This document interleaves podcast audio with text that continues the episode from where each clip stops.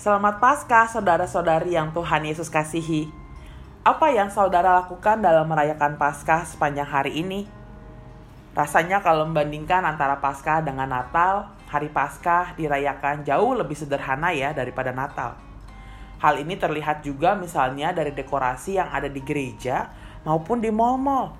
Pada waktu Natal misalnya, di mall kita bisa melihat Sinterklas dengan karung besar yang berisi coklat, permen, dan hadiah. Tetapi kalau Paskah, kan rasanya nggak mungkin juga ya kalau di mall ada yang lewat gitu ya pakai salib gede atau bawa gua ke mana-mana. Nah saudara, sering kali Paskah dianggap tidak semenarik Natal yang penuh dengan berbagai dekorasi, hadiah, dan acara-acara lainnya. Padahal Paskah adalah jantung kekristenan. Kenapa disebut sebagai jantung kekristenan? Mari kita lihat apa sih arti dari kata Paskah.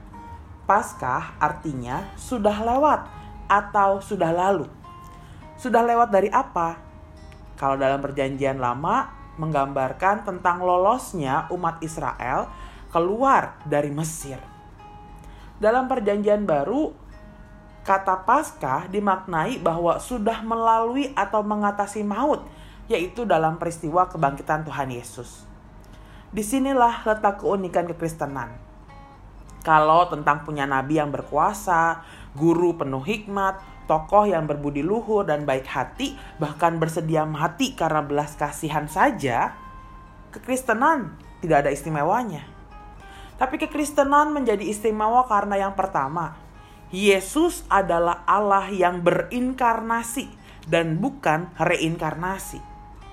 Allah yang menjadi manusia dan alasannya hanya satu, yaitu karena kasihnya bagi kita. Bukan kewajiban dan bukan hak kita. Karena itu dikatakan itu adalah anugerah yang Tuhan berikan bagi kita.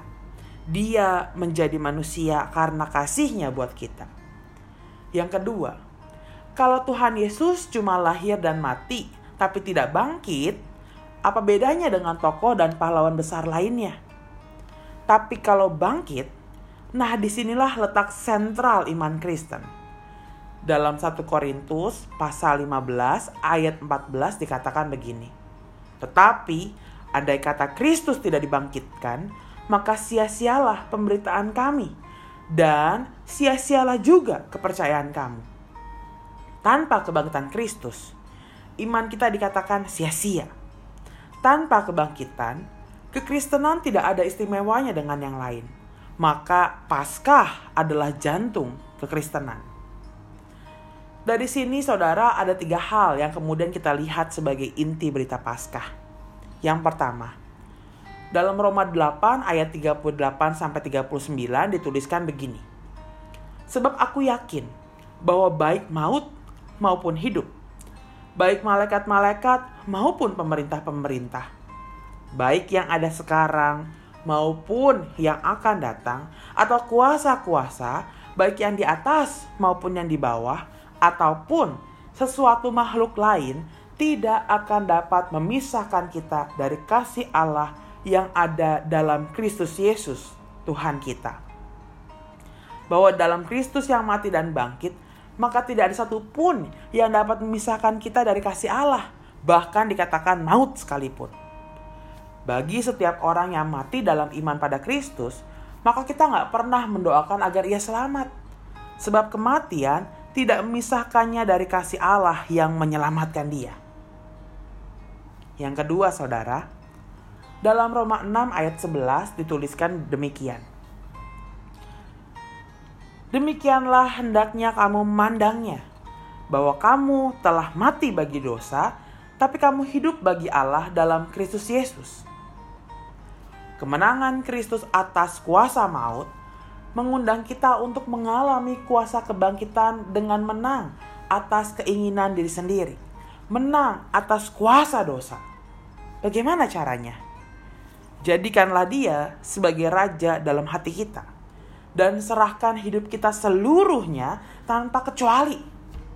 Maka Dia sendiri yang akan menolong kita untuk bisa mengalahkan diri dalam bertahan menyatakan kebenaran, sekalipun ada harga yang harus dibayar. Di sinilah arti hidup bagi Allah yang sungguhnya. Hidup yang menang tanpa ada yang kalah, kecuali diri kita sendiri. Mematikan diri dan hidup bagi Allah. Yang ketiga, kematian Kristus terjadi begitu cepat sejak penangkapan sampai mati di atas kayu salib dengan cara yang paling mengenaskan. Kematian yang ditolak langit dan bumi karena posisinya menggantung. Hal ini membuat para murid mengalami ketakutan, kekecewaan, dan kesedihan yang mendalam. Namun, keadaan yang tanpa harapan itu berubah dengan sangat cepat ketika mereka mengetahui bahwa Kristus sudah bangkit. Para murid memiliki sukacita besar dan semangat dalam mengabarkan Injil.